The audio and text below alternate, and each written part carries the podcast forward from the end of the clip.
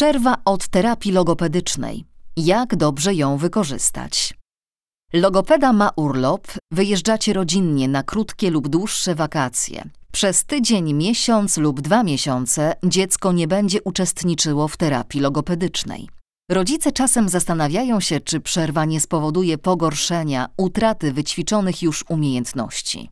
Warto zawsze zadawać tego typu pytania logopedzie, który prowadzi terapię i indywidualnie ustalić, jaka przerwa będzie optymalna. Ma na to wpływ bardzo wiele czynników. Ile lat ma dziecko, z jakiego typu trudnościami się mierzy, jak długo uczestniczy w terapii logopedycznej, jak duże postępy zrobiło w ostatnim czasie. Oczywiście każdy z nas potrzebuje odpoczynku.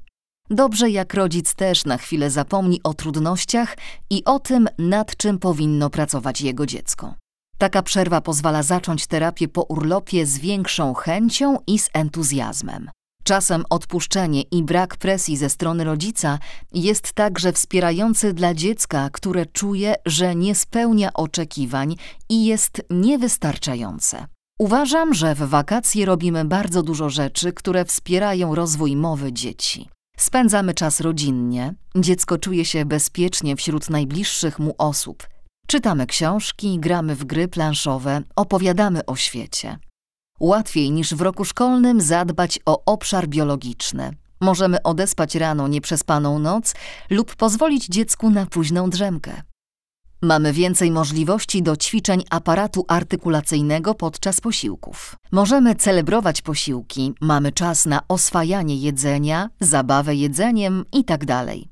Często podczas wakacji dziecko otwiera się na nowe smaki. Dziecko zdobywa dużo nowych doświadczeń sensorycznych. Chodzi po piasku, po kamieniach, biega po deszczu, wystawia twarz do słońca, chłonie zapachy. Odwiedzamy muzea, parki, dziecko uczy się o świecie, obserwuje naturę. Lato daje więcej możliwości uprawiania sportów. Dziecko jeździ na rowerze, biega, skacze, wspina się, pływa, wzmacnia tym samym swoje mięśnie, ćwiczy koordynację wzrokowo-ruchową. Podczas wakacyjnych wyjazdów dzieci poznają nowe osoby, trenują komunikację na placach zabaw i polach namiotowych. Wszystkie te aktywności, które wykonujemy razem z dziećmi i z których wszyscy czerpiemy dużo radości, są niezwykle cenne, a każda z nich wpływa na rozwój mowy dzieci. Podczas wspólnego wakacyjnego czasu można ćwiczyć uważność, zwracać uwagę na prawidłowe oddychanie, uczyć się wierszyków i rymowanek, śpiewać piosenki. Nad morzem możemy układać sekwencje i szeregi z kamyków i muszelek oraz wykonywać masażyki na plaży. W górach możemy uczyć się czytania mapy, a nad jeziorem przekraczać linię środka, wyławiając skarby z wody. Podczas podróży samochodem można trenować spostrzegawczość i szukać krów na pastwisku, liczyć czerwone samochody czy ptaki przelatujące nad drogą. Wakacje to też czas nudy, a powszechnie wiadomo, że nic tak nie rozwija mózgu jak nudzenie się.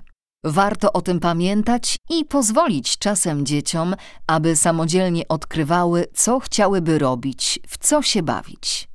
Wakacje to też dobry okres, żeby rozmawiać. Niestety na to w codziennym pędzie czasem brakuje czasu. A rozmowy z dziećmi są bardzo ubogacające i rozwijające. I to oczywiście czas, żeby po prostu być razem. Wtedy można najwięcej usłyszeć i zrozumieć. Podcast zrealizowany przez żłobki i przedszkola Norlandia. Więcej o nas na www.norlandiaprzedszkola.pl